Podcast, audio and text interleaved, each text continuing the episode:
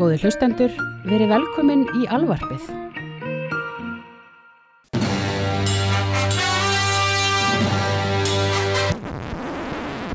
Við erum hefnendur.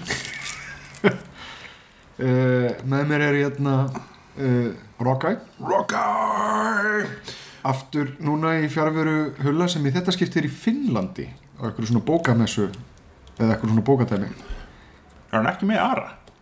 Ari er í Finnlandi líka, vissum það? Hann er- öðrum tilefni líka Já, hann er í einhverju stand-up dæmi en hann, hann Búrst að hulli sig ekki að fara í eitthvað hérna, stand-up annar staðar? Mm. eitthvað tíma setna í oktober. Sífælt á faransfæti þessir. Aftur í selibar Mér finnst alveg magna hversu mikið af kultúr skila sér einhvern veginn. Sko, ég er náttúrulega er náttúrulega dokumentera þetta sko. Ég er að klára heimildamind. Já, hvernig lítur hún út? Hún lítur mjög út. Ég, sem sagt, fór með hugleiki Mhm. og Ara til Finnlands á Turku Comedy Festival. Já, var þar með um, langa helgi. Ég fór undan fyrst með sko með hulla til, til Seyðisfjörðar Mhm. var þar með hann í nokkur dag þar sem hann var að, að, að, að æfa sig fyrir þessa ferð. Var að, var að vera með uppstandi fyrstskipti á ennsku og svo fór ég uh, á laugavatn með Ara til að undirbúa okkur. Og sem fóru til Finnlands. Og vorum það, ég var bara ég var 48 klukkutíma í Finnlandi og ég svaf 6 klukktíma því. Og Ok. restina var ég að rúla basically. Þetta er mjög áhugavert. Þetta er bara heimildamindi svona bara backstage ég tek hann upp sjálfur, ég gerir allt sjálfur. Mm. og ég er að klippa hann núna komið langt með, langt með það. Mhm. lítur það svo vel út. Og hún er svona bara um bara svona stand up Já. pælingar. Og rauði þráðurinn er hann hulkleikur okkar. Og þess að hann er svona, í svona, er að- þetta er svona þetta, þetta fjallar um húmor og þýðingu á hann bæði þýðing frá þýðingar hans á sínum húmor frá blaði yfir á svið og þýðingar frá íslenskum húmor yfir, í, yfir á ennsku, yfir á finnsku og, og bara svona og þetta er raun og allt sem að gerist utan sviðsins frekar en er bætandi á egoðar að svulla að gera heila bíómynd? Eða heila heimildamynd Nei, við erum, ég er að vonast að gera út af hann. Ég skipti frá öll. Og ego, ego ego þetta er að sprengja. Hæ Hulli. Nei, þetta er mjög skemmtilegt. Þetta verður, tilbúin til haust og, og hérna en, það, en já, það stúdur eða svolítið mikið þetta, sko, þetta með Finnland og, og húmórin og það er alltaf, alltaf, alltaf að tala um það og ég spurði alltaf komikar nefnt sko, af hverju er svona mikil tengingum með Finnlands og Íslands? Mm -hmm. og það er náttúrulega fullt að stöðu fyrir því erum svona svolítið svona við erum fyrst og fremst þau tvö lönd sem eru ekki í Skandinavíu á Norður Norðurlöndunum. Eh, við erum alltaf verið svona svolítið við erum á við, það kom einn með held skemmtilega útskynningu að Ísland, Finnland og Írland eru svona á eru svona á hérna börmum hérna Evrópu Já. og eru svona bastarar fyrir ríki sko, það var alltaf verið svolítið út undan. Finnland er náttúrulega búið að eiga hræðilega sög eða sko svakalega sög, búin að vera inn á milli Svíþjóður og Rússlands og veist að þeir eru búin að skiptast á að ráðast inn og ráða og kaldir vetrar og Rússar út um allt. Rússar út um allt og, og svona. Hérna, Jón Gnar kom reynda með eina skýringu sem ég stóði skemmtileg. Já, í hérna, bókinu hérna Gnar Já. uh, upprófnumerki How I Became Mayor and Changed the World sem kom út fyrst á þýsku. Já, og hérna, í þeirri bók þá kemur hann með þá skýringu að hérna, finnar og íslendingar séu báðir svona nektarkultúr ok. Við förum í sund og sjáum hvort hann að allsber og, og, og, og, og svona sett ah, erum í þessum búningadæmi eða sem sagt í, í, í búningaklefunum og, og sem sagt við erum, við erum svolítið bergagvart kröður vegna þess að við sækjum í hítar saman og, og, og lögarnar see where you're going with this. Og finnarnir eru með sánuna. Já, sem er, veist, nákvæmlega sama settum veist, það er nekt fólk situr um móti hvort öðru. Mm uh, þetta er ekkit þessu er ekkit að heilsa hjá mörgum öðrum þjóðum sko. Hafa aðgengi að svona mm. upplifun mm.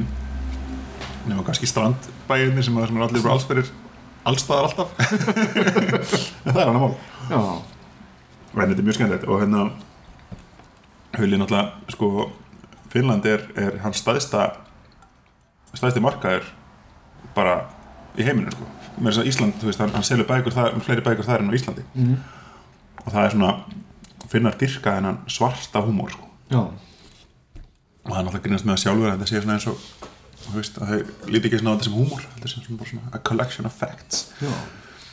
Hérna uh, þetta er enda dokumentir að hluta til í stuttum alvarpstáttum Jú, heyrðu, þetta já. fyndið. Það er rétt. Það er rétt. fimm þættir. Það er rétt, ég glemdi því það sem að, það sem að eru upptökur frá einmitt rótreipinu sjálfu. Já. það sem að, það sem að þi, þú, Hulli, Ari hverju fleiri? Uh, Zani heitir hann. Já, Sko, það er ekki alveg rétt En þess að uh, þessi mynd er tekin upp Ég fór með þetta til Finnlands. Já ok. Er þetta, er þetta sér ferð? Þetta er sérferð sko. Turku Comedy Festival er sko bara Comedy Festival í Turku. Já, Síðan fór ég eftir það Með þeim Í túr um Finnland. Já, Tampere, Turku uh, Javaskjula, Va- Oulu og, Finn, og Helsi Helsingi Já. og hérna og, það, og þar, ég, ég fór með þeim aftur og ég tók upp gekkið þeir og ég tók upp nokkuð viðtöl sem ég hafði ekki náð og svona. Mm. og það er einmitt, við vorum sex daga minni mig og það voru og, og gekkuðum í fimm borgum og henni hver einstu dag voru að keira milli, við vorum aldrei á sama stað tvisvar. Mhm, en við vorum alltaf að keira í, þú veist nokkar klukktíma dag. Já. Og ég draf tíman með að búa til hlaðvarp sem þið finnið en aðlarpinu heitir Fyndið Mhm. sem ég er að bulla í þeim. Með eh, einföldu í og tveimur önnum og ég er að spá í, er, þetta verður mögulega nafnið á myndinni minni, ég er búin að jökla rosalega mikið nafnið á mynd- myndinni minni. Mm. það er eitthvað, gaman. Það er svona fynd, þú veist, finn, finna sig fyndið. Ég væri reynda til í að fynd væri svona mæleining eins og svona lítir. Já, eða vatt, vött skilur þú veist. Þannig að það var hægt að taka tala um skilur Ég- kíló, ég, ég nota það sko. Þú veist, hversu mikið fyndir í þessu. Ég líka, að ég nota líka lol, lol stundum sko, mm hvað er, hversu mikið lol er í þessu? Það er gott lol í þessu. Það þú veist, Já. þannig. En ég ætla, herðu, hvað er að gerast? Hvað er að gerast? Ég ætla, það er eiginlega ekkert að gerast. Uh, Það er kannski helst það er alltaf að vera vittlist komin, það er all, alltaf að vera er, John Rivers var þetta já, ég veit bara ekki ræst um það sko. Herri, það skrýtna var að ég var heima í gær og ég sá hérna fréttina, hefur séð hérna Betty White dies in her Los Angeles home. Dies peacefully. Dies peacefully. Og ég fyrir að sá þetta og ég, og ég var sjokkræður ég var, ég var of sjokkræður til að sjá stafsyninguna mm. það var þetta svona einhver djókur um að hún, hún litar á sig hárið. Já, uh, fyrir dies her hair. Já, og ég sá þetta og við vorum bara svona nei, öldruð, kvenkins uh, grínust að kona bandarið sko að deyja og við vorum bara svona gett bara svona, og kona mín, síðan las ég greinina og bara já, ok, alltaf fimm minnir setna lasum við John Rivers og þá var það svona, á, ok. Hvað er í matinn? nei, ég segja hann ekki. Hún er samt, hún var, hún var nú alveg fyndin. Já, ég menna, þú veist, það eru mörg kvót og annars lit sem eru að lesa sem eru frekar snappi og fyndin. Hún er góður grínisti og ég menna þegar hún er komið upp þá er það, þú veist, mjög spennandi. Já, já. en mér, sko, einhvern veginn þá tengi ég hana aðalega við óhóflega lítið aðgerðir Mm. og hérna e, nú síðast að, að raka á hérna, Jennifer Lawrence. Já, betur, hvað, hvað var hún eitthvað að tala um hana? já, bara eitthvað bitcha síðan sko. já, það gerir það enginn, skilur við nei, það er nei, enginn að fokki henni á henni. Nei. Ég er, endar, og ég er mjög, mjög ekki hrifin af því að kalla hana J-Law. Það er bara, það er ekki það er ekki kosher það er jöfnvel að rókist hérna uh, sást hann í Louis þettinum John Rivers þegar hann var í Louis, Louis, Louis. Hérna hérna Louis þettinum hans Louis K. Já, en þú þarfst samt að rauða þetta upp. Bara hún var ógst hundin já, þegar endaði að ríða. Já rétt, rétt, rétt. En já, ég meina fyrst að við myndust á Jennifer Lawrence Uh, ég veit ekki hvort að mér langin til þess að gefa þessu airtime sko, þessu, þessu fyrirbæri sem að kallast the fappening. Það sem Já. brotist inn og, og, og nektarmyndir af þessum, þessum saklausu Hollywoodstjórnum er leikið á netið. Það er alveg rétt skilgreining sem eitthvað kom með þetta er, þetta er kynfyrirslega áráskilur þetta er, já, þetta er glæpur. Það er ekki byggt eins og þessi stelpur hafi verið að- gefa leifa á þetta eða, eða veist, draga þetta sjálf fram í dagsljósið nei. það er rauðst inn í engalíð þeirra og það dreigir fram. Þetta er eiginlega svona alveg eins og einhver myndi koma og róta um í húsinniðinu og draga fram myndir og skanna þær inn og setja á neti þetta er, þetta er bara nákvæmlega sama. Mm ég er ekki með að sjá það. Mér langar að sjá það. Mm. ég ætla samt ekki að sjá það sko.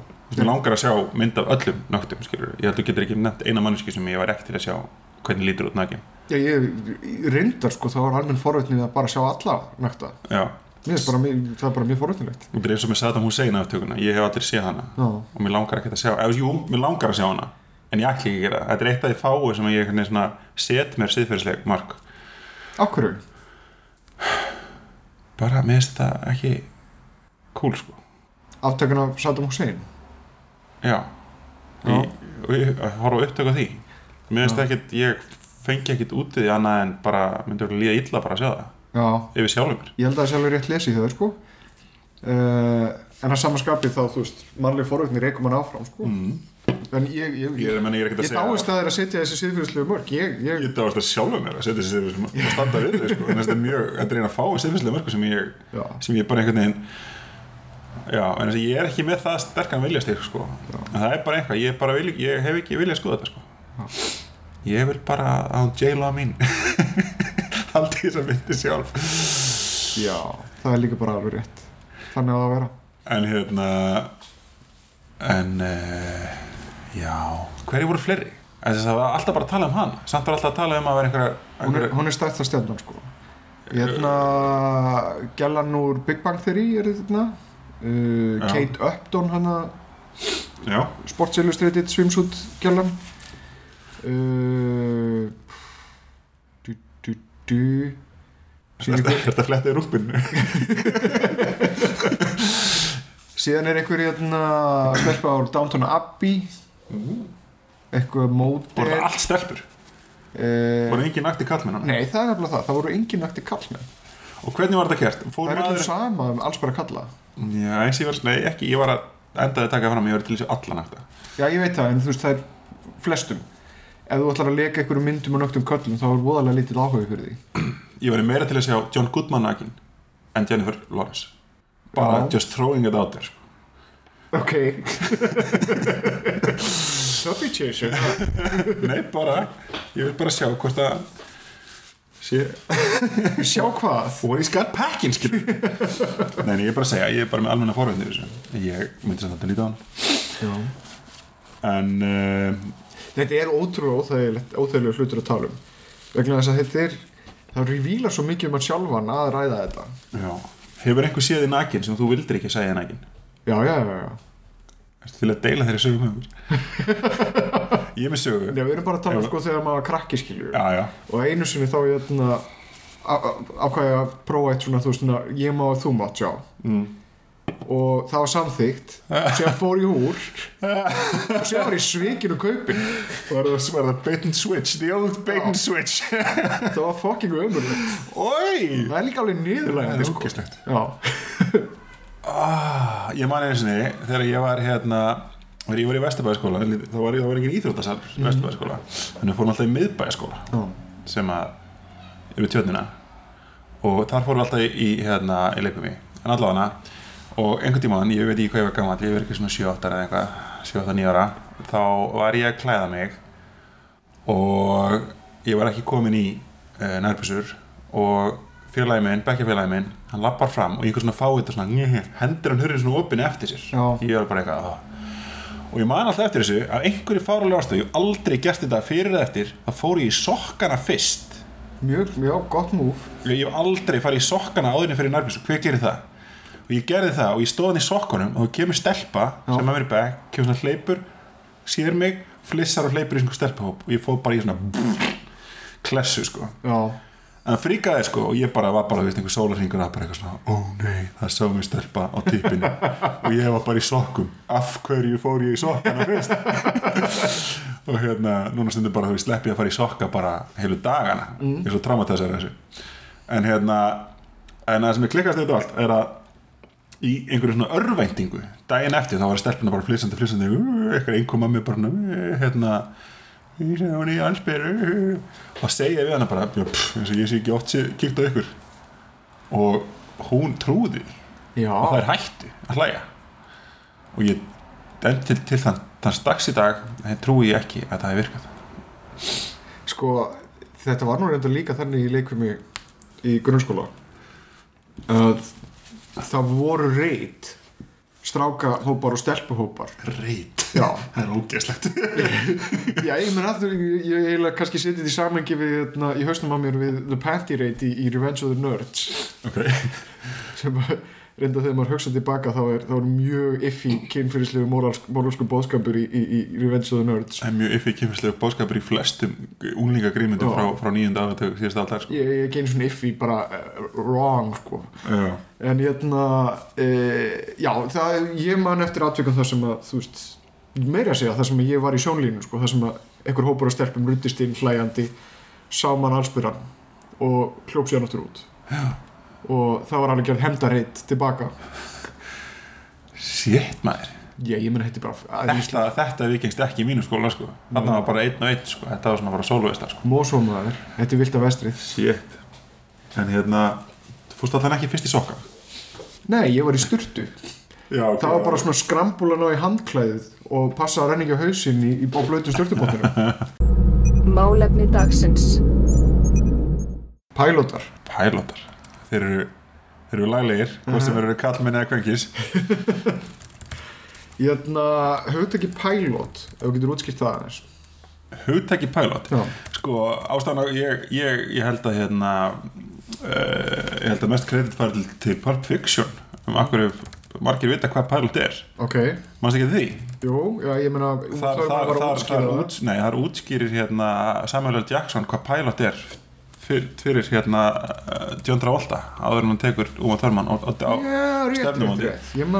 og ég man ekki einu sinni hvort ég mun, mun, vissi hvað pælót var fyrir það en þetta var svona að sá allir Pulp Fiction Já. og ég held að allir hafi svona fengið svona grunn, grunn vittneski um hvað pælót var eftir það Já, en samt ekki að ganga út frá því pælót er sem sagt uh, það er til ímislegi pælótar og við erum að tala sem sagt um sjónvarpspælóta mm. -hmm. sjónvarpspælótar eru svona pröfuþættir eins konar mismikið pröfu, mismikið tilrauna uh, sem notaðir eru til að, til að sjá hvort að seria virki mm -hmm. uh, ég raun að veru vegna að eh, hugmynd á blaði er eitt einhver kemur er með hugmynd að sjónastætti eða ég er með bara svona, ok, allt gott að blæsta lítið vel út en virkar þetta? Og fólk veit ekki hvort það virkir nema að taka það upp.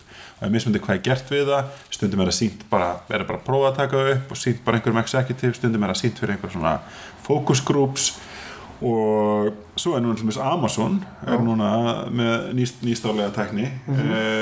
er hún að líðræðis aðferðin á þetta eða ekki er Jú. með einhverjar þætti sjálfur Amazon er nefnilega að gera svolítið fórnulega tilhörnum Við kannski förum inn í það á eftir vegna þess að þetta er mjög óhefbundi með það sem er ok, allavega, sko. það er til ímestæðar tegundir af pælutum sko Mhm. það eru uh, bæði meðvitaðir og ekki sko eins og til dæmis það er, það er hérna þekkt dæmi um ómeðvitaðan pælot er hérna, hvað er það, sem var ekki 6 million dollar man maður sé getið þeim þáttum hérna, Jú. gamlu gamlu það er einhvað sem var ómeðvitaði pælot það var two-parter sko, mm. Mhm. míniserja sem var gegn svo vel þeir bara, að já, er ok, serja það má kalla það pælot Já, það er líka til pælótar sem hafa verið skrifaðir sem pælótar já, en ekki fengið serísortir eins og til og með Mulholland Drive sem áttu uppalega að vera sjóaserja já, en uh, vegna þess að hann fekk ekki greenlight á það að gera seríur þá, Mm. þá bjóð hann kliftan það efni sem hann búin að skjóta fyrir pælótin mm. og skaut nýtt efni til þess að búa til heila bíómyndur til þess að setja endið að slaufa á. Já, ok, þetta vissi ég ekki. Það svo er til eitthvað sem þetta backdoor pilot. Veistu hvað það er? Nei? Backdoor pilot er pilot sem er búin til sem getur staðið einn og sér. Já, hann er svona, hann er svona staðið sem bíómynd alveg já, og það er backdoor og að segja svona við ætlum að geta að gera meira en eitt þátt. Já, nú við þetta, ok, við getum að líka serið úr uh -huh. er demo er eitthvað sem er er annu típa af pilotum það er bara svona, er stutt demo bara, það er ekki heill þáttur, það er bara svona smá já, upptök já, já, eina, tvær- það, þetta er gert vona mikið í Evrópu. Já, gert ekki svolítið Ameríku, minnum að Friends hafi verið gert þannig. Já, ég veit Og- að ég hef séð alveg tvær svona næturvaktar svona remake demo. Já, er það? Það hefur verið gert skilvið það bara svona að gera pröfu hvort að, hérna, ég segja engar upplýsingar á það hvort þetta sé komið í season order eða ekki. Ég hef mjög mikið áhuga á pilotum, sko, ég hef gert pilot Þetta var gert fyrir norska líka var gerðið pilot fyrir norska? Ekki pilot en það var gert svona demo svona, svona tíu mínutna að svona valið valdarsinnur. Já, sem var held síðan og ekki notað og tekið aftur. Já, þetta er svona, þetta er mis, sko, svo er mismunandi hvort að pælandi sé nothæfur eða ekki. Já, það eru, sko, og það er fyrir bara svolítið eftir hversu mikið púður er sett í það, sko. Uh, stóru stöðan, það er setja kannski nóg mikið púður í einhvað til þess að líti nógu viljul til þess að passi serju, eins og bara flest matmenn til dæmis, Já. matmenn er, er, er þekkt dæmi þar settuður og, vand, og vandamáli er sko að, að þú veist, matminn er náttúrulega bara mm, rándýrt batteri þú setur þetta saman, fær stóran leikarhóp og síðan er býð allir bara sko í starthólunum sko í nokkra mánuði eða sko 2-3 mánuði hvort þið fáið góða hætti þá þurfa að drölla sér aftur Ég heldur reynda til þess að trikki með, með Lost Pilotin Já. sem var bara einn magnaðasti pilot sem hafi sést í langan tíma var að gera það dýran að það bara borgaði sig að halda áfram með þetta í series. Já, hann var enda sko, ég var enda að lesa um hann hann held í sló met sko, hann var endur síndur fjórum sinnum, hann síndi fimm sinnum. Mm. sá pilot sko í bara venjulegu broadcasti. Já. og hann var bara, og hann var, hann var ennþá bara í 50 síningu að fá bara 10 miljón Sá, enda líka þrjusum fýtt pilot. Gekkjaða pilot. Það, síðan er líka stundum það sem að pilotinir eru, eru teknir og, og þú fær season order og svona og annarkvort notar þann með eða þú bara byrjar upp á nýtt. Það er til dæmis með uh, Buffy, þá gerir pilot Já, og uh, þá er ríkastað í Willow. Já, það var bara, það var ykkur allt önnur stelpa sem að leka Willow í pilot áður en þeir réðu Alison Hannigan og hún bara virkaði ekki þannig að þau þurftu að hreinsa hún út og skjóta, ah, okay. skjóta fullt að drasli eftir ok. Sko, ég hef já, ég segi, ég hef sérst að dálæti af pilotum sko, mm. á mörguleiti uh, þeir eru svona sko, Lost er gott dæmi þannig að það er kannski það skoðu pilot það er raun og verið, það er eins og það er sett allt púður í hann sko, Já. sem voru alla seríun eftir það svona og voru að reyna að fatta, veist, hvað er að gera með það sko, en þess að það var einhvern veginn allt í, þú veist hvernig getum við gert eins forvitnilegt start á seríu við getum. Og svo voru einhvern veginn líka að að leysa úr því allan tíma, bara svona, fuck, hvað er að koma í? En hérna Uh, og svo hafa, það, það er ekki mikil pilot, pilot kultúr á Íslandi til dæmis. Já. það er bara ekki mikil sjómaskultúr á Íslandi saman hvað við segjum. En við erum að vinni því. Við erum að vinna í því. Bókstælega uh, og, en, en það hafa verið gerð ég, til dæmis, fyrsti sjónvansstáttur sem ég gerði var bara proper pilot. Þú ert nefnilega einn af fáum sem hafa gert pilota. Og ég hef nú reynda séð einn sem að þú sem sagt, já, hefur bannað mér að tala um vegna þess að hann er, hann er þér finnst hann ekki góður eða þú, Jú, þú, sér, jú. þú veist það að það er með betri útgáfaði já, það er raun og verið sko, það sem þú veist að tala um, það er raun og eitthvað sem ég kalli ekki beint pilot, það er kannski, það er meira pröfuþáttur, það Já. er meira svona demo sko. það er eitthvað sem var alveg meðvitað frá upphæðu að myndi vera hent, sko. en þetta var svona en fyrsti þáttur sem ég gerði, sem var að endanum að fyrsta þættinu af siktinu hérna þá var þetta þá vorum við fóruð til skjás eins og skjár einn bara kom með þetta bara, herru, við setjum smá pening í og þið búið til eitt þátt. Mm og við grætti stórgrættum því að þáttur sem við gerðum var alltaf öðruvísi en sikti var sko. -hmm. það var svona þrýr þættir í raun og í einu og hérna ákveða bara velja einn og expandum af því sem var Fríman Gunnarsson, svona viðtarsáttur svona mockumentary. Og, og við hefðum aldrei farið þessa leið ef við hefðum ekki haft þetta, þetta, þetta rými til þess að tilrunast og ég veit að skjárið gerir meira af þessu. Já, þannig að þess að mannstu Venna Power. Já, hefur þessi pilotin að Venna Power? Nei. það er pilot að Venna Power. Er það? Það er, og hann er, og Jón Gnar leikur í hann ok, ég held að Jón Gnar leikur er bara svona þú veist, hann í hvað hlutverk hann er. Random kúnir nummer 3 nei, nei, nei, nei, hann er bara starfsmæður á líkastandstöði really? ég held að hann sé hlutverki möguleg sem að Bergur Ingolfs enda að leika eitthvað. Eða, Ok. eða, eða Steinn Norman Tjóðlega það áhvert það er, það er þessi þáttur til sko. Já, og, hann, hún, og hann er bara, þú veist, lítur bara ákveld út að setja alveg smá, þú veist, lukkið hann og, og, og hérna, en hann, var hent sko. Já. og ég er að spá í hvort hann hafi kannski mögulega verið hent sko. Vegna þess að skiptum leikara minnir hann fyrir Álfrún, Örnóls Já, hún leikur hérna afgjörnsleikonuna sem var svifsa út fyrir höllu? Já, Já, það fyndið sko, að sjá þetta sko. Og Já. hérna, þetta er, það er mjög gaman ég er mjög gaman að sko, það er líka mikið að þekktum þáttum erlendi sem að sem að hafa gert pilota sem Mhm. að hent og sem að kannski sér maður kannski og DFD eða eitthvað, þess að Mighty Bush segja það, nei, það er pilot. Það hafa gert pilot á Mighty Bush sem er á fyrstu serinni já. Uh, og það er bara svona, þá sé maður það þá er til þess með laugh track. Mm það er veist, hlægandi áhörundur sko, sem að allir mjög skrítið þegar maður er búin að venja stöður sko, og þeir hafa bara allir fatta það bara. Veist, ok, við ætlum að gera þetta, þetta er flott og sem ekki hafa þetta. Ég held nefnilega sko að þetta sé góð hugmynd að gera allavega svona uh, aðeins downgraded útgáfu af svona þeirri serið sem þú ætlaðir að gera. Þetta er frábæra mynd bara til þess að prófa casting, bara til þess að prófa temp, skilur þú veist, bara Já, tempo á texta og tempo á, jötna, á senum menn það er, það er alveg alls konar sem getur lært að því að gera pilot. Og það er, og, einmitt, og það er alveg mikið fyrir sjálfa og aðra. Eins og, eins og bara raun og verið að tala um hvernig við alvarpið hérna sko, við erum alltaf að fá fólk til að gera pælóta þegar við stöðstum um alvarpinu að bjúkum við til pælóta Já, ég meina hefnendunni gerðu pilot sem er heftu síðan. Já, Eða nákvæmlega heftu. Heftu. Það var, alveg, var ekki alveg eins og voru að lofsingja leikstjóra sem að Nei, var ekki eins mikið ekki eins mikið elskaður eftir þetta. Já, ég meina við notum það sem að hann var bara, hann var svona aðeins svona sundurlausari og við vorum bara komast í gýrin, hittna En svo, svo til mér sem svo til, það, hefur fólk komið, til okkar og sagt hei, ég með hugmynd að þætti Mm. og við bara frábært, frábært hugmynd gefið þátt Já, og þá svona, það er bæðið smá fílter sko en við erum ekki að segja þetta sko ekkert endilega, veist, þetta er bæði að við, við erum að fólk búið til þátt til að sína okkur já, en líka bara til að prófa að gera þátt en þess að hugmynd er eitt og framkvæmd er annað. Og það er rosalega þakklátt eins og til mér þessi þátt sem þú sem tala um sem ég hef gert, ég hef gert þetta er sjónvánssería sem ég hef búin að reyna að koma koppin síðan 2007 uh, já, ég hef gert tvo pröfu þetta vissir á hinnum ég vissi það hinnum ég hef gert tvo pröfu þetta ég hef bara séð hinn, ég hef ekki séð fyrri já. En, en, en þetta er bæði svona það er rosalega gaman að vera með hugmynd og skella í hana og bara prófa hana og að vita það að maður getur hendinni sko. Já, ég held að e, Amazon aftur á móti e, eins og við vorum að minnast á aðan er komið breytt mótil í þetta allt saman.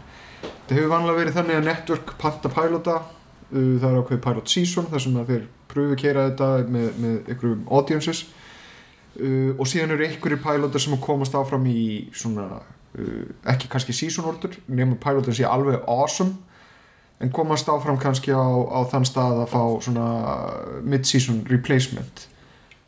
Þá eru, eru pantaðir svona 12-13 þættir. Mm og hérna þess vegna eru er mjög algengt að í svona, í svona löngum seríum svona 20 þáttar seríum já, að sé bara, fyrsta sísonu sé bara hálft. Já. aftur á móti þá eru þá er Amazon að breyta reglunum í þessu máli allt saman. Þeir eru að uh, þeir eru búin að stopna eitthvað sem heitir Amazon Studios. Og það gengur út á líðræðislega atkvæðagreðslu um pælóta þá uh, kallaður eftir handritum af pælotum uh, og hugmyndum af seríum. Og höfundinni fá eitthvað 10.000 dollara ef, að- ef að hérna, verkefni er valið áfram til þess að- fara í þróun og, og, og verða pilot síðan uh, fær sagt uh, the creator bara fær, fær mannskjar sem er að búa til pilotin 200.000 dollara til þess að láta pilotin rætast. Það eru pantaðir eitthvað 5-6 pilotar í, í, í senn það er ekki fleiri, jafnvel 8 og hérna uh, þessi pilotar eru gerðir þeir eru settir á Amazon og fólk hefur aðgengi að þeim til þess að bara að horfa þá og greiða að, hver sem er. hver sem er. Og greiða atkvæði um það hvort að þetta sé málið eða ekki er þetta í gangi núna? þetta er í gangi núna, það er akkurat núna nýjasta pilot season, þetta er þriðja seasoni sem það eru að gera fyrstu tvö eru hérna, sem sagt, e, fyrsta var 19. april 2013 annað var 7. februar 2014 og síðan núna ágúst 2014 þannig að hefur hort á eitthvað þessi? Ég hef hort á eitthvað af nýjustu sagt uh, nýjustu jötna, nýjasta sísoninu Mm. þar eru þættinir The Cosmopolitans Mhm. sem að fjalla um eitthvað, eitthvað svona hóp af, af Amerikunum í, í Paris Hand of God sem jötna, sem að er með Ron Perlman í aðafluturki ég er ekki búin að horfa á það. Hysteria sem að er með Menu Suvari sem að var í American Pie. Loksins að byrtast aftur á skjánum eftir langa, langa kvíld ok, var hún ekki, nei hún var í Chicago veit ég veit þið? Chicago Fire. Chicago Fire, já.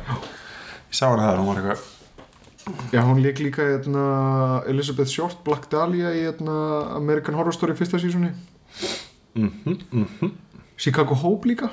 Mhm. Chicago Fire og Chicago Hope. Já, svolítið mikið í Chicago tillan já en bara ef hún var í hérna, einhverjum bara svona stökum þáttum. Já. En hérna já, mér er svo var í síðan Reilly sem að hérna er Jay Chandrasekhar uh, Chandrasekhar ég, ég veit ekki hvernig eftirnafnið er borðið fram en þetta er hérna einn af gaurunum úr hérna Broken Lizard genginu já, sem gerir Super Troopers. Já, já. og hann er endar frekar hérna, TV direktor. Ok, hann er búinn að leikstýra Community hann er búinn að leikstýra Arrested Development.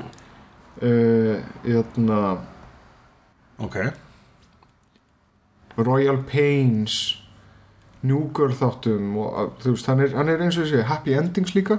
Mhm. Hann er, hann er frekar svona solid hérna, TV-gur Chuck og Psych líka. Ok, ég horfði þann þátt, ok, mér varst hann ekki góður.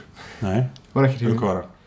það var umverulega um svona midlife crisis eitthvað svona fólk að færtusaldri F, já, eiginlega Var það 30 something? Já, late 30 something. Late 30 something. Ef ekki bara early 40s Early 30, 40 something. Já. Ok. Síðan er hérna þáttur sem heitir Red Oaks mm. sem að e, er með honum Craig Roberts í aðalhutur sem að leki í hérna, Submarine eftir hann í hérna, Richard Diodi Hvað er strákurinn eða? já, líkt Já, ok, strákur. cool. Þetta fjallar um eitthvað svona, svona sveitaklúb, eitthvað svona, svona country club sem býr upp á tennis og, og golf og allan aðskotan. Ok, og það var reyndar alveg bara fínt. Það, það lofaði góður sko. Ok. Ég allan að það fær atkvæði mitt af því sem ég hef séð en ég á eftir að, eins og ég segi, sjá tvo af þessum, þessum fimm sem, að, sem voru gerðir sko. En það sem að þeir hafa gert fram að þessu eru þættirnir Alpha House sem hafa farið í season order. Ok, Betas Androids með ANNE Creative Galaxy Tumbleaf Tumbleaf fyrir Bosch, The After, Transparent, Mozart in the Jungle, Gortimer Gibbons Life on Normal Street og Vision Puff og ég hef ekki séð neitt að þessu. Hvað er Mozart in the Jungle? Mozart in the Jungle.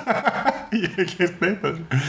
En meina, en það er að meðalskilju þú veist, hluti, það sem að var ekki sagt, grínlætað var til dæmis eitna, Onion News Empire sem átti að vera Onion sem sagt sjónastáttur Já, ég sá hann. Og eitna, Zombieland eitna, sem sagt, seria og heita þetta skiljur það, það er Ok, líðræði er, er harður húsbóndi. Mjög svo mjög svo. En hérna en þetta er allt saman eiginlega bara búið að fara í eitt sísón það er ekki, það er En ekki hvernig virkar, eh, fyrir ekki, hvernig virkar Amazon formatið? Er þetta frítt? Getur hver sem er hóst á þetta? Ég held reyndar að það sé eitthvað svona kaup á því en ég veit það ekki. En þú, dæmis, hvernig er þú búin að horfa? Bíti, bíti, þú þarft að vera áskrifandi af Amazon Instant Video. Já, og eðna, þetta er umverulega til að lokka að í sína, sína digital Já. þjónustu sem á að vera eins og Netflix. Já, ég skil. Og það er svolítið, náttúrulega var ekki Yahoo sem bjargaði community. Já, Þessir, þessir internet reysar eru farnir að að að tegja, tegja sína loðnu, loðnu loppurinn í sjónvarsmarkaðin já. sem er bara gott mál líka. Ég, ég meni það er því áhugaður þróun ef að símafyrirtækinn færi að framleiða content. Já, sem að eru hvort þið er að græða á öllu contentinu sem við framleiðum. Já. Já, ég meina það hefur nú oft verið svolítið ég átt spáðið með þessu sko en það er til náttúrulega okkar, okkar Netflix er til í svona lamari útgáð sem er náttúrulega þessi vott okkar mm. sem eru, þú veist, sem að bæði Vodafone og Símin eru með Já, þetta væri bara aðgengilegra í gegnum þægilegri en ég meina það er samt búið að gerast það skringilega er það til dæmis uh, maður horfir nú miklu meira í tölvunni sinni heldur en á sjónvaskjá sjónvaskjá já, sem að eitna, já, já, er svolítið áhugaður þróun. Og þetta er náttúrulega bara Netflix er náttúrulega bara frábær sem, sem dæmi, sko, nú veit ég ekki hvernig þeir til dæmis, nú, nú er þeir farnir að gera sína serjur eða ekkert farnir er búin að gera einhvern tíma. Og einhvað er verið svona salvaged series sem Mm. er hafa bjargað einhverjum og Killing, þeir byrjaði ekki með Killing það? Nei. En en þeir tóku yfir það. Það var, það var Það er ekki AMC eða eitthvað? AMC eða, eða Showtime? Var með það. The Killing. Og svo hérna AMC AMC, Killing uh, Björgur náttúrulega. Arrested Development. Mm. uh, hann er eitthvað meira sem að þeir hafa bjargað held ég sko. Sem sá að þeir eru með Derek þættinans Ricky Gervais. Já þeir eru að bjarga því. Já það var eitthvað sem var í Channel 4 eða eitthvað. Já, já, og hérna þeir hafa verið svona svona pikk upp bara eins og eins og náttúrulega þetta Yahoo dæmi sem Björgur hérna þínum upp á stætti og það er bara frábært þetta er, þannig að interneti þetta hefur drepið og interneti hefur bjargað pælingin sko já þetta er bara eðlileg þróun skilur. Já, já. það er fólk, sín- fólk, fólk vill alltaf horfa á þessa þætti mm.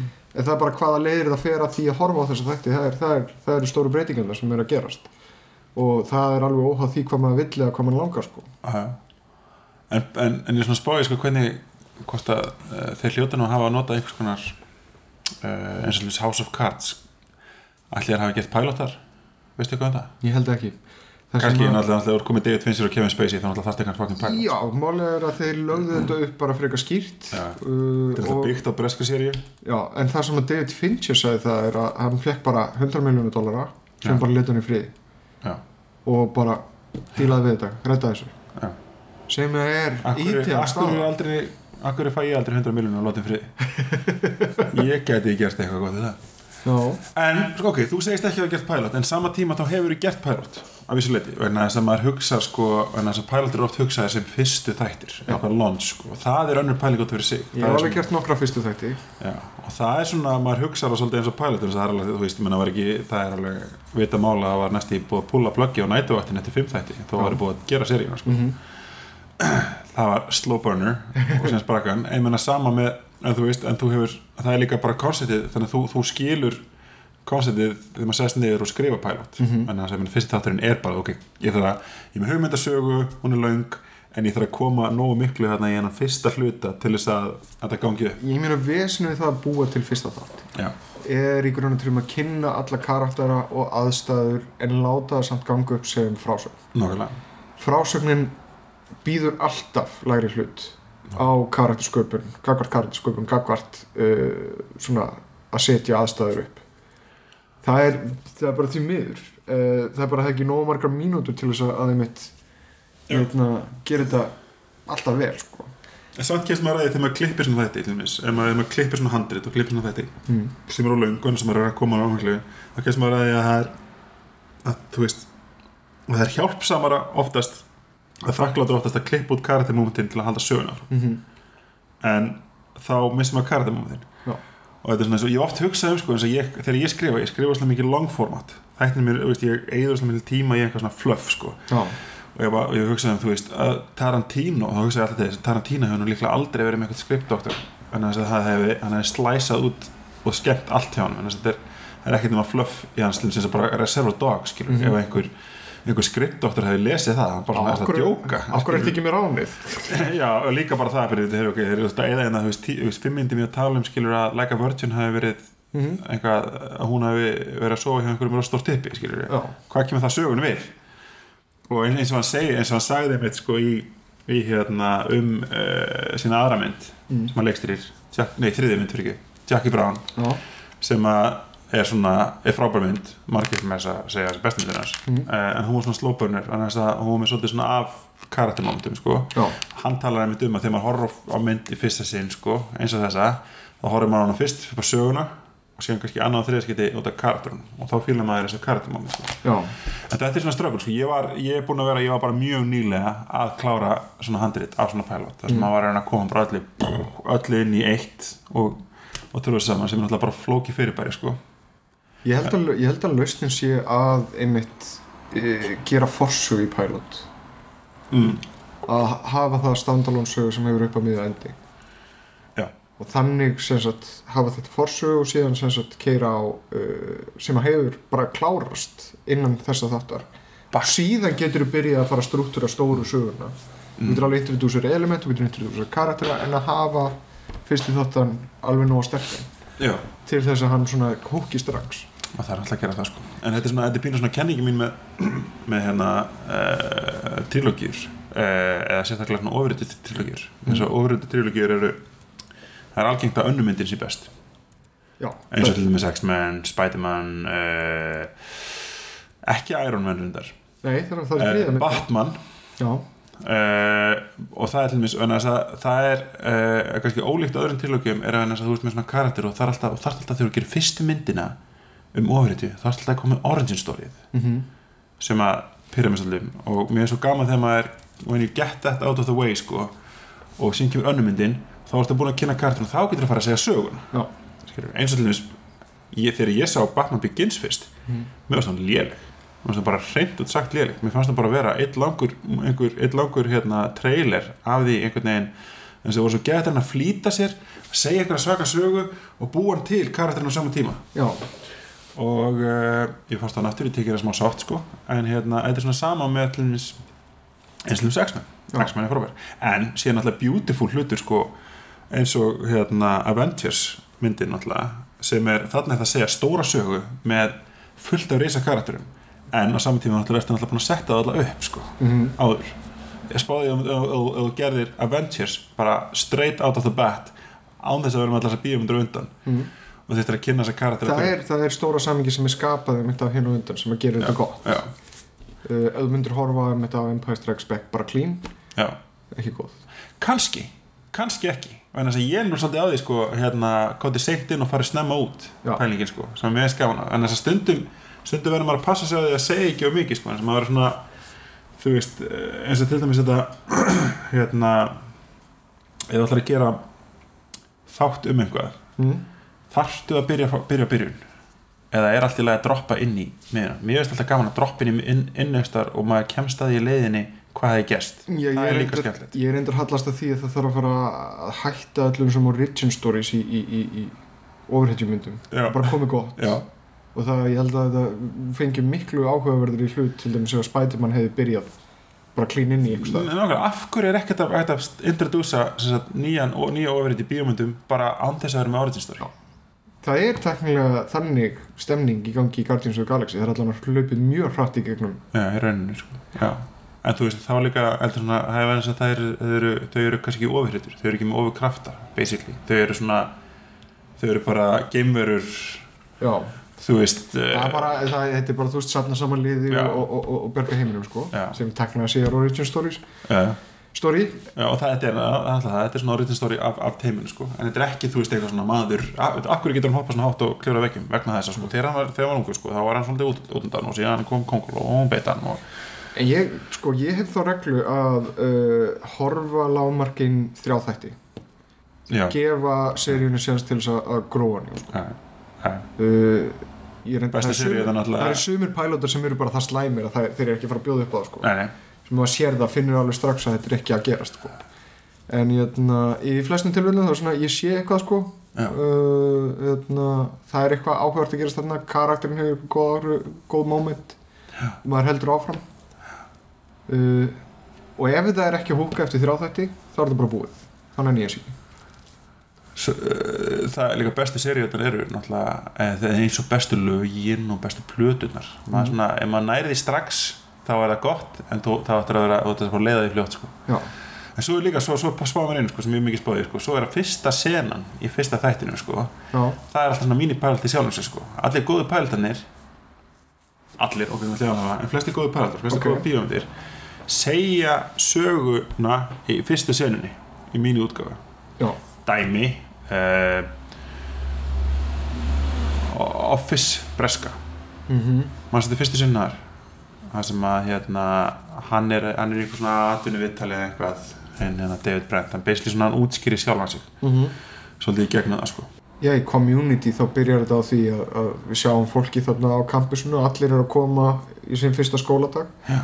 þannig að við sjáum karakterinu sínum elementum Já. alveg strax í fyrstu Já. sín sko það er, það er nefnilega skuggulega mikið sko, sko nefnilega, og eða allar þessar stóru seríur það byrja á allir fyrsti, fyrsti þátturinn er alltaf kynning sko. Þú veist, Mhm. akkur einhvern eins og til dæmis fyrsti fre- mynd- þátturinn af Friends þá hleypur Rachel út reygin brúðköpi og, þú veist, og klippir á kort pappa síns eða eitthvað skilur það er, svona, það er ekki droppað inn á þessa karaktera í miðum klíðum skilur uh, þú þarft eitthvað intro þú þarft eitthvað svona, eitthvað ingangin í heiminn. Já en þú veist, þetta er svona, þetta er bókstaflega Já. til að gera það og eins og, eins og community er náttúrulega bókstaflega veist, það er bara eins og hann kemur og hann misti hérna lögfræðinga skiptinni sitt eða eitthvað sem heitir og þurfti að fara í skólan, þar kynist hann einhverju En þetta er bara fellur undir sömu reglur og þú bara segja sögu við varðeld sko. mm. þú byrjar á því að setja sín sko. Mm Jötna, þetta gerist á þessum stað og það er þetta fólk og svona, þú farið ingang inn í, inn í söguna er, þú segir ekki, herru, síðan kom Jón og sagði við, við Gumma. Nei, en ég meina, síðan, síðan séu allir þessu, þessu matmenn sko, sem hann tala maður sko. Það er ekkert eitthvað svona, hann er ekkert að byrja að vinna hann bara, við komum bara inn í mitt verkefni og honum þar sem hann er að vandræðast með Lucky Strike í fyrstu, fyrstu, fyrstu þættinu sínum. Ég hef reyndar þessi pilot í, í á matminn, hann er eitthvað legendary sko. hann, uh, Matthew Weiner hann, að Weiner fekk jötna, starfið sig til Sopranos út af hennar pilot þannig að hann, þetta pilothandrit láf bara fyrir í mörg ár en það fór loksins í framlýslu mm -hmm. og HBO mögulega á því en hætti við en AMC okkur loksins að taka á sína arma. Já, þetta var svona er til dæmis er, það, það er svolítið gaman sko, það er til dæmis að leiki sem með sko það að maður komið beint inn í þáttinn. Og það er leiki sem með það sko að það er ekki búið að stabilisera öllu. Til dæmis maður kennst ekki að fyrir í lokinu þættinum þegar hann er búin að fara í getnum einhvern vinnudaga og hann er með einhverja hjásvæfi maður veit Mhm. ekki og þetta er hjásvæfi fyrir hann bara það er loka atriða sem hann kemur heim mm -hmm. til fjölskyldunum sinnar. Þá er ég vila bara, já ok, þetta er fjölskyldumæður. Það er dæmis, þetta, er- þetta svolítið öfugt hvað það var. Reynda alveg klikkastlega góð pilot.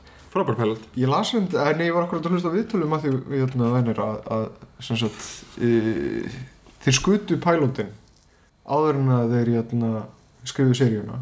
Já, og hérna, og hann vissi ekkert hvað myndi gerist eftir þetta. já, Hann var eitthvað svona óljósar hugmyndir en bara, þetta var bara það sem hann vissi nákvæmlega þetta. þetta er alveg svona þetta er svolítið sko nú er til dæmis uh, vinnur okkar hérna uh, íslenski leikarinn Ólafur Dari Ólafsson hann hefur verið svolítið í þessu pilot. Nú er hann komin inn í, í Sverkileisinni í, í Mm. Ameríkunni. Og hann er búin að vera að gera einhverja pilota sko ég veit að hann fór um daginn til bandaríkjana eða nýlega til bandaríkjana að, að leika í pilot uh, sitcom sem Charlie Kaufman gerir vissur þetta? Really? Já Vel gert Ólafur en reynda sér hitt að síðast þá hann heyrst einhver rúmur um að það hefði ekki verið pikkað upp Já. djúðlar ég til að sjá þetta sko Ég veit ekki samt hvort að uh, ég myndi vilja hafa Charlie Kaufman í pilotvinnslu. Eða nei, bara í TV-vinslu. Já, Ég, já, svona, mér- einhvern veginn fíla meira bara svona vel krafted já, svona geimstina. En þú veist að hann skrifaði fyrir The Dana Carvey Show með Louis C.K. -hmm. og hérna já, ég, ég vissi það hérna ég hlustaði ekki á hana mjög langt podcast auðvitaðlega sem er mjög skemmtilegt En síðan náttúrulega er reyndar series á liðinni smá hvað er að gerast Louis C.K. og Sef- Sa- Zach Galifianakis já, Louis C.K. er að skrifa seríu með Zach Galifianakis já, sem, er, sem er fjallar um hérna trúð. Já, róti og trúð mér mig. Ok. Þeir eru að fara í pilot með þetta Zach Galifianakis og Louis C.K. Uh, sem að sem sagt Louis C.K. hérna, uh, er að skrifa. Og FX ætlar að- framlega þetta sem að gerðu Sunny. Og hérna The League og eitthvað fleira. Já, þetta er hérna Baskets. Já, hann, þetta er gaur sem er dreymir um það að vera uh, alvöru trúður en þarf að vera að vinna í ródeónu áður en hann sem ródeó trúður áður en hann getur orðað almennilegur. Alvöru trúður. Hljópa vel góði mann uh, The Wire sem er náttúrulega hérna best TV series of all time trademark. Ekki Eh, uppáhalds pælutum minn samt. nei, en fyrsta atrið í því já, er geggjað, mannst þetta því? Já, Who Got Shot, Snot. Mhm. hérna, hérna um, um það sem að, að hans Magnolti situr með strák sem að er svona vitni á, morði um einhver Mhm. gauður sem var alltaf að í svona teningaspil og taka peningar og hlaupa nei, nei, sem að tók þátt teningaspilin tók sem peningar og hlaupa alltaf já, og hann, og hérna uh, og hann endar að því og hann tala við hann um þetta bara svona who got shot, snot got shot. Og, og síðan endar þetta að því bara svona but why did you let him play það svona, we had to, it's America og þessi, þetta fyrsta atriði er beautiful og þetta er svona satriði sem í raun og veru er svona mikrokosmos af allir af fyrsta þættinum og allir seríunni sko. Mhm.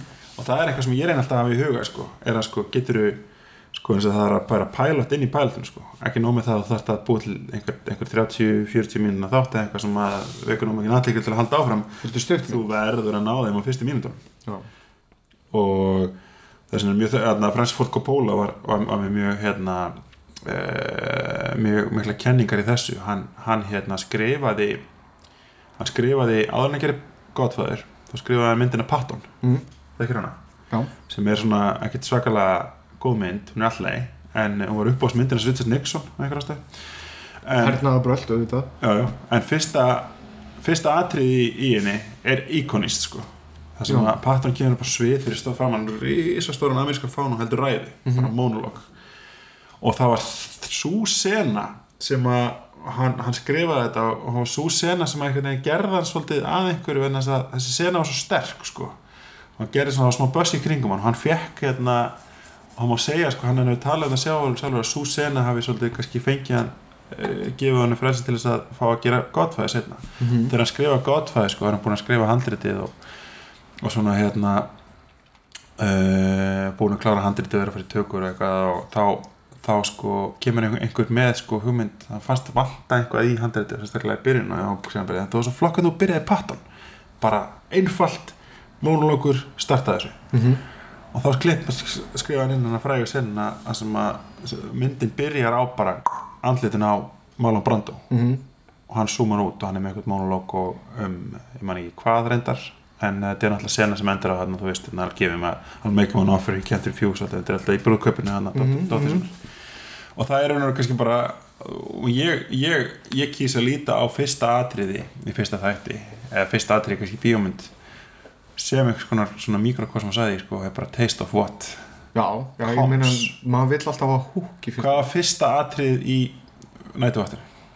Fyrsta atriði nætuvættunni er þegar að uh, Daniel kemur inn í tómabensistöðuna þegar virðist. Engin afgræða, miðnótt. Þar er Georg að tuða í símanum við vaktinu sem var á undan í samt í klósett og þrif á klósetti. Og Daniel kemur síðan og sest niður og segir hérna já uh, í vinnuna sko. Þá hérna tekur hann Georgan Daniel í yfirhyslu varandi það hvort að hérna, þú veist já ert þú nú að hæfur til að vinna við bensínafgriðslistar kjötfast springur ekki. Hérna uh, og síðan kemur í ljós eftir alla þessar ræðu um það hvern, hvort að hann ætti að að- að- að- hvort að þetta þóknast honum Georgi að að ráða Daniel í vinnu og Daniel segir já það er búið að ráða mig. Já, og það er svona já já og kem, og það kemur flatt upp á hann Georg. Það bara sýnir hvað hann setur sig rosalega mikið á háan stól. Já. en hefur í raun og verið engin völd. Já Ég var að, ég var að skrifa pælum daginn sem er nákvæmlega sem við byrjun. Ég var að fatta núna það að sagði það ok, mjög, mjög lík byrjun þar sem maður setur sig upp á háastól og raun og raun þetta er svona hálfgett atvinnu viðtal Mhm. líka. Og svo var hann slegin niður. Já, ekki alveg sama en, hérna, en þegar þú sagði þetta fikk smá svona sjokk bara fuck, ég var búin að gleyma þessi já. Fyrsta sena eftir titla er líka hennuð mitt með það í huga að kynna karakterinn Ólafs Ragnars betur inn Já. vegna þess að hann er auðvitað sinn hann, er Já. seinn- hann er ekki í fyrstu sinu Já. hann mætir seint vegna þess að þetta er hann og þannig er stimmit, þannig er þetta búin að búið bara mikrokosmos á allir seríunni Mhm. í raun og veru, í þessi byrjun og það er bara, þetta er pilot af skilur þetta þarf maður, maður þarf að negla þú veist, maður þarf að negla karakter í fyrstu senunum sínum mm. og, og seríuna á sama tíma og það er svo gaman anyway uh, Eða kannski að, hérna, að slá botni þetta með því að velja svona bestu og vestu pælóta já, það er hljóma mjög vel Best og vest. Ok, uh, það er mjög erfitt að velja verstu pælóta. Maður gleymir þeim svo hratt. Ég hef Eh. séð mjög mikið af mjög, mjög slæmum pælótum. en við höfum líklega ekki séð það vestu Nei, þannig að þeir fóru ekki, fóru ekki nóg langt en við getum náttúrulega að tala um svona þá sem voru hvað vestir sem að, ég meina, það eru- það eru tvær kategóriur takkilega síðan. Það, er, eru pælótar sem að fóru í order, sem sagt fóru í season versus pælótar sem að fóru aldrei neitt áfram. uh, okay. Jötna, e, ég, er með, ég er með bestu í báðum sko uh, en ég er ekki með vestu nema í einu ég, ég, ég er bara með vestu í, jötna, í season order já Ert þú með eitthvað svona svipað? Ég er ekki komin í vestu, nei, en ég er alveg með fullt af bestu, sko. Já. Fullt af bestu. En það byrjað þú þá. Sko, ok, versta ég ætla bara að fara að byrja Joey, Joey Pilotin Já. Það, er Ok. einhver, það er einhver svona vandræðileg vannverðing í gangi þar vegna þess að Friends þótt að hefur orðið mjög þreytt hann undir rest Já. var alveg comedy juggernaut og síðan kemur þessi bastarður Já. og dettur hann eins og einhver svona hundalortur á, á göduna bara mjög mjög slæmur mjög slæmur Já, þetta var mjög slæm ég, ég, Já, ég sagði þetta, þetta var hræðilegt er. Já. og þetta var svona bara ah, how the mighty have fallen Hann, hérna... Uh, hann samt bjargaði sér með seríunni hérna, hvað heitir náttúr? episodes, það sem hann einhver sjálfan sig Já. sem að fjallar einmitt um pilots já þau ætla að gera series nákvæmlega. Og það fjallar einmitt um seríu sem er byggð á bresku seríu sem þið algjörlega afskræma yfir að aðmennist format. var, var ekki einmitt fyrsta sem fjallaði um það sem þau þurftu að búa til pilot Jú, alveg öruglega, sko. já. Og varum að tala um hérna... Já, Uh, en bestu, bestu pilotar já, það eru alveg tonn að veljúr um, það er mjög minnistæður til dæmis hérna Lost Pilotin já, sem byrjar hérna á manni sem að liggur í einhverjum frumskói og þú veist uh, bird's eye view á honum. Hann vaknar, hann er einnig ekki maður skilur ekki alveg hva, hvernig hann er þarna. Hann stýfur á fætur, hleypur gegnum frumskóin svolítið ringlaður og síðan er bara heilt flugslis á strönd. Já. það er byrjunin. Það er klikkuð byrjun það er bara ekki hægt að byrja betur en þetta sko. það er, þetta er bara nákvæmlega og þú veist, what the fuck faktorinn sko Já. uh, það er frábær pilot þetta er pilotin sem að fjekk mig til að horfa fimm þætti af Lost Fimm þætti? já, Bara fimm þætti? já mér varst Lost ekki góð þætti sko Ok. pilotin var svo góð sko að ég, að ég, þú veist að ég bara hann svona, þetta er eins og þú veist, hann hendi mér svo langt yfir lofti sko og ég var fimm þætti að lenda á jörðinni sko. Ok, you're missing out samt. Ég veit að margir eru fúlir eftir svona mitt annað sísonu eitthvað list En það er þetta pikkaðist upp sko. Já, æ, ég veist, þetta er ég sé ekkert eftir að hafa ekki horft á alla Lost. Ég sé ekki eftir því. Þú þarft þess ekki. En ég ætna, nei, menn þú veist ef ég hugsa samt um mína uppáhalds þetta mm. eða mína uppáhalds pælotar svona sem að svona virkilega húkuðu mig mm -hmm. og jafnvel heldur mig lengur heldur en, heldur en kannski serían stóð undir. Uh, svona sá sem hefur komið dettur mest í hugur Dead Like Me. Já, það fannst mér alveg klikkaður fyrir sammála. Fyrir sammála. Þar sem að hérna, bara hann byrjar á því að aðalpersonan deyr. Já. og síðan er bara útskýringar á heiminum mjög hratt og, og, og, og mjög mikið exposition en samt engaging, mjög hratt og skemmtilegt flotti karakterar, flottur heimur og bara soga mann inn. Uh, þetta er hérna byrju, hva, hvað var þetta premissið? Hún, hún deyr og hún verður Reaper, hún Verður- verður, sem sagt hún er svona sálu hyrðir skilur hefur séð þátt hættin af The Reaper? Uh, já, já. Það sem að hérna pappin úr, úr Twin Peaks hérna, já, já, já, sem, sem að hérna, hver er munun á þessum þáttum? allir var eitthvað, fór eitthvað að geta rugglast það er bara einhvern svona tveir dudes annar er eitthvað þeir eru eitthvað alltaf, alltaf að reyna já, byrju, þeir eru alltaf að reyna að feika dauðan hvort að það hafi ekki verið að hérna, aðalsöguhitjan það kemur í ljós sem sagt að pappan sitt Satan. Já, það er eitthvað þannig þetta er svona, þetta er svona high concept þáttur sko. Hérna, uh, eins og Dead Like Me og Pussy Daisies. Hann, eh, nei, nei, nei, nei. Mál er það að hann vann við það að, hérna, að sækja sálir sem höfðu flúið úr helviti það, hann var bara komið þá vinnu sko. og það, það hlutur ekki lífinu. Hitt aftur móti, sem sagt Dead Like Me fjallar um sem sagt bara fólk sem vinnur sem döðin um leið að fólk deyr og þá einhverjar ógreittar skuldir við almættið mm þá er það bara sett í vinnu við það að, að, að, að sækja sálir hjá fólki um leið og deyr til þess að leiða það áfram í næstu veröld. Uh, og þannig að það alveg er rosalega mikið casualty í þessum, þessum tveimur, þreimur sérum af hérna, Dead Like Me. Ótrúlega engaging og bara flott á köflum sko. þið mistur enda mikið þegar Mandy Patinkin hætti. En hérna klikkastlega, fyrsta sísón er alveg klikkastlega gott sjónvarp, Já.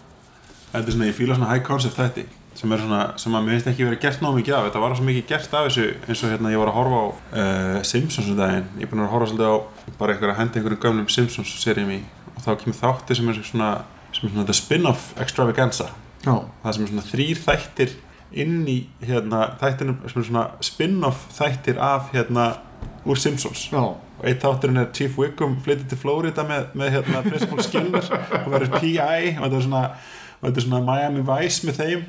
Mm. og eitt þátturinn fjallar um það sem að hérna, það sem að Mo fær eitthvað svona ástarvél þú veist svona, æ, þú veist svona svona eins og jukebox á börum nema maður svona, svona mælir einhver ást eða eitthvað nema hvað hérna Grandpa Simpson deyr og sálinas fer inn í vélina. Og hún er svona, svona talandi vél inn á barnum það er svona premissið við sitcom með honum. Og þá einu myndi eftir að það var svo mikið einhvern veginn svona svona þáttum. Eins og Alf já, og hérna sem var svona high concept sem ég finnst kannski ekki, ekki verið eins algengt í dag. Að hérna og Quantum Leap sko.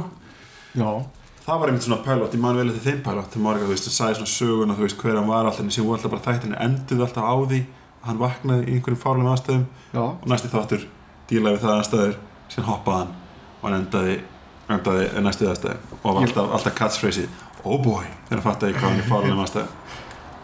Ég var endur okkur að horfa á allt Quantum Leap bara í fyrra.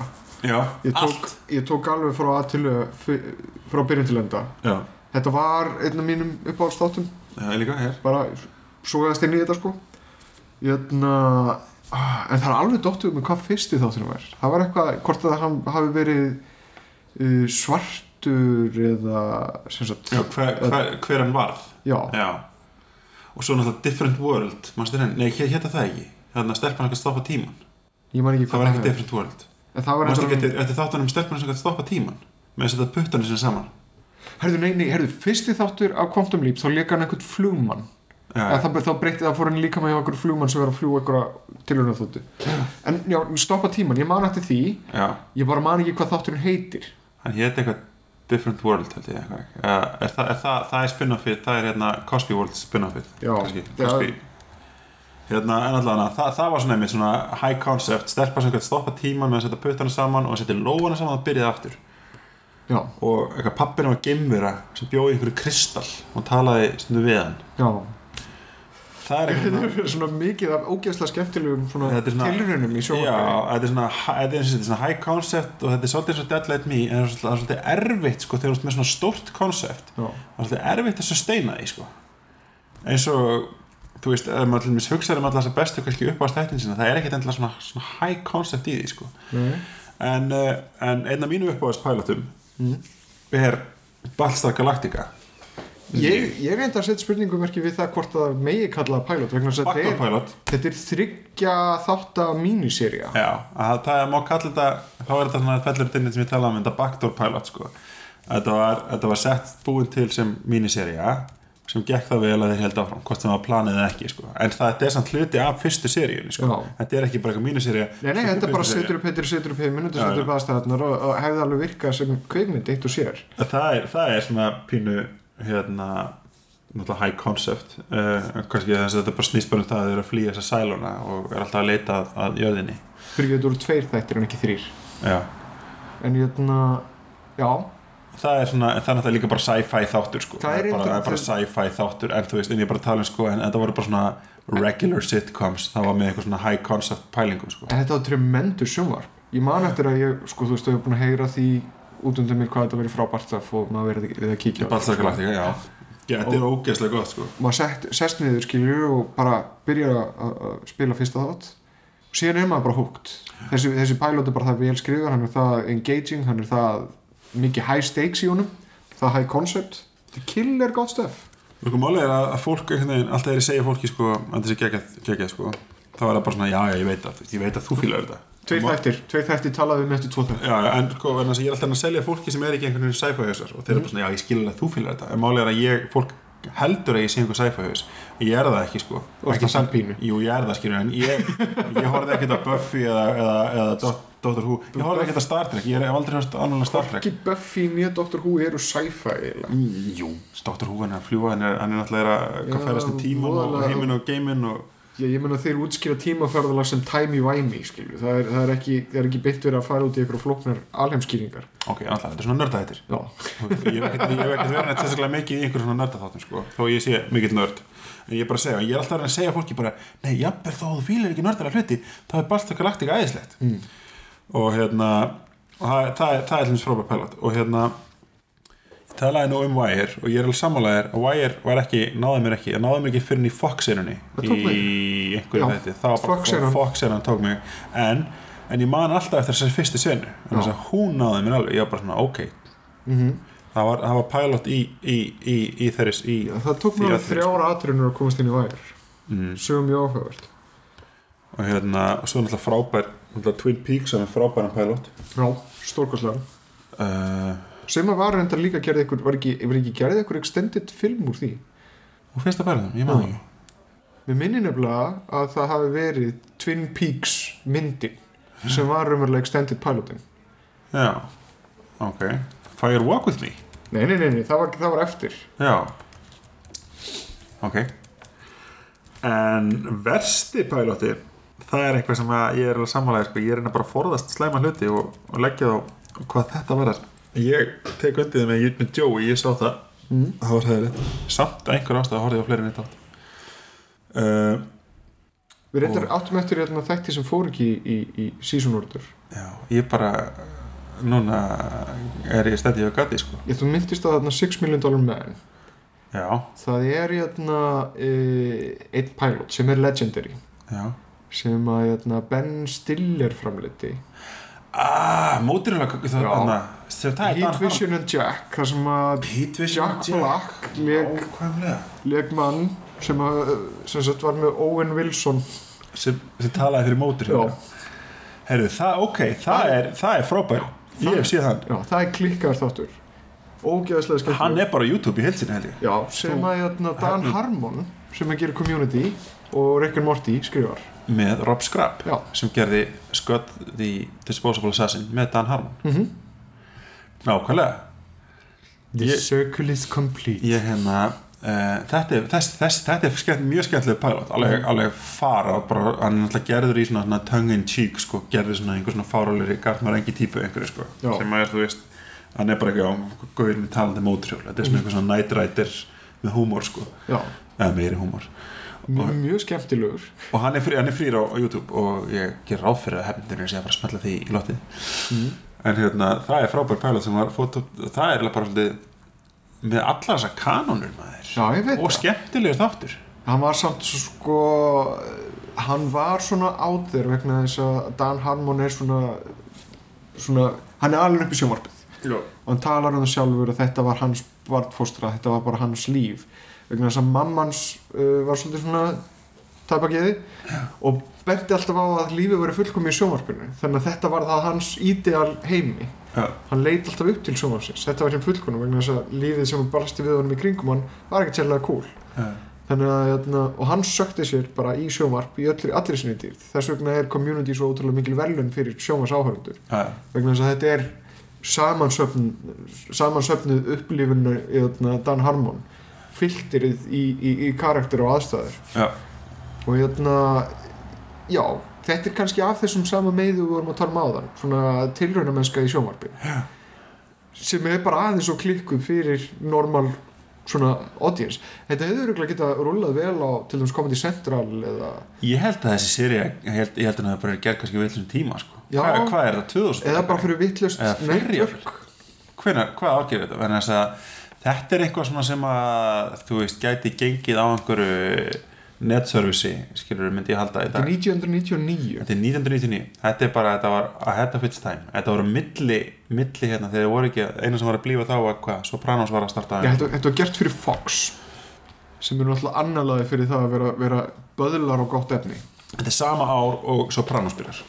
Og það var bara ekki, þetta að milli skrýtnu 80s sitcomana sem Já. var svona high concept og fríki sjónvarsættin sem er í dag. Þetta, komið villins tíma. Já, það er bara aðeins of smá. Já, ég, þetta, myndi, þetta myndi blífa feitt í dag sko. þetta, er, þetta er rosalega mikið anda Já. þáttana sem að Chris Elliott gerir sem er einhvern svona, hann er svona fríki hérna, ég sá með það var frábært piloti af honum, þetta voru fyrsta seríun allan var, var svona stutt sko. Mm -hmm. það, hérna, það voru með stuttir þættir. Já, og hérna þetta, já, það, það er ógeðslega að fyndi stöf og það var einmitt svona koncept í þeim að hann, hann, var með einhvern svona sidekick sem var í einhvern kúrikahatt og þegar hann dó og það svona þá- þá hann, að ég ætla, ég ætla til að heiðra hann ætla að taka upp lúkið hans.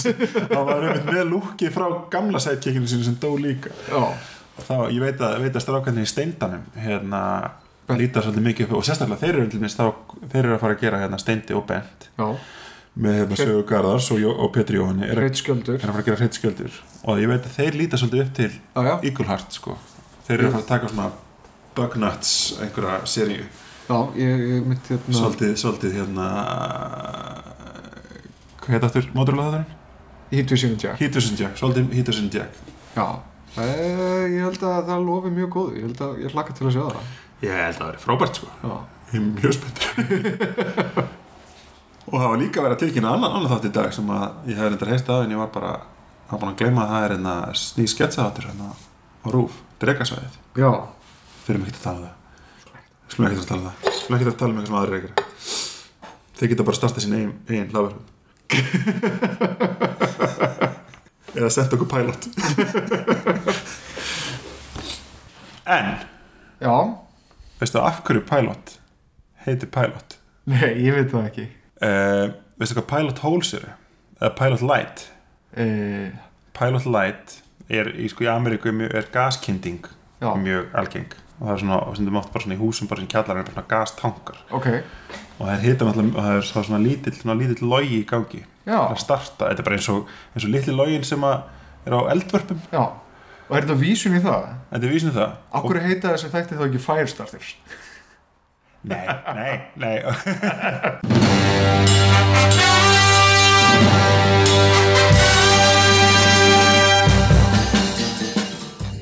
he- hef- he- hefnendur- hef- Hefnendurnir voru Jóhann Ævar Grímsson og Hugleikur Dagsson.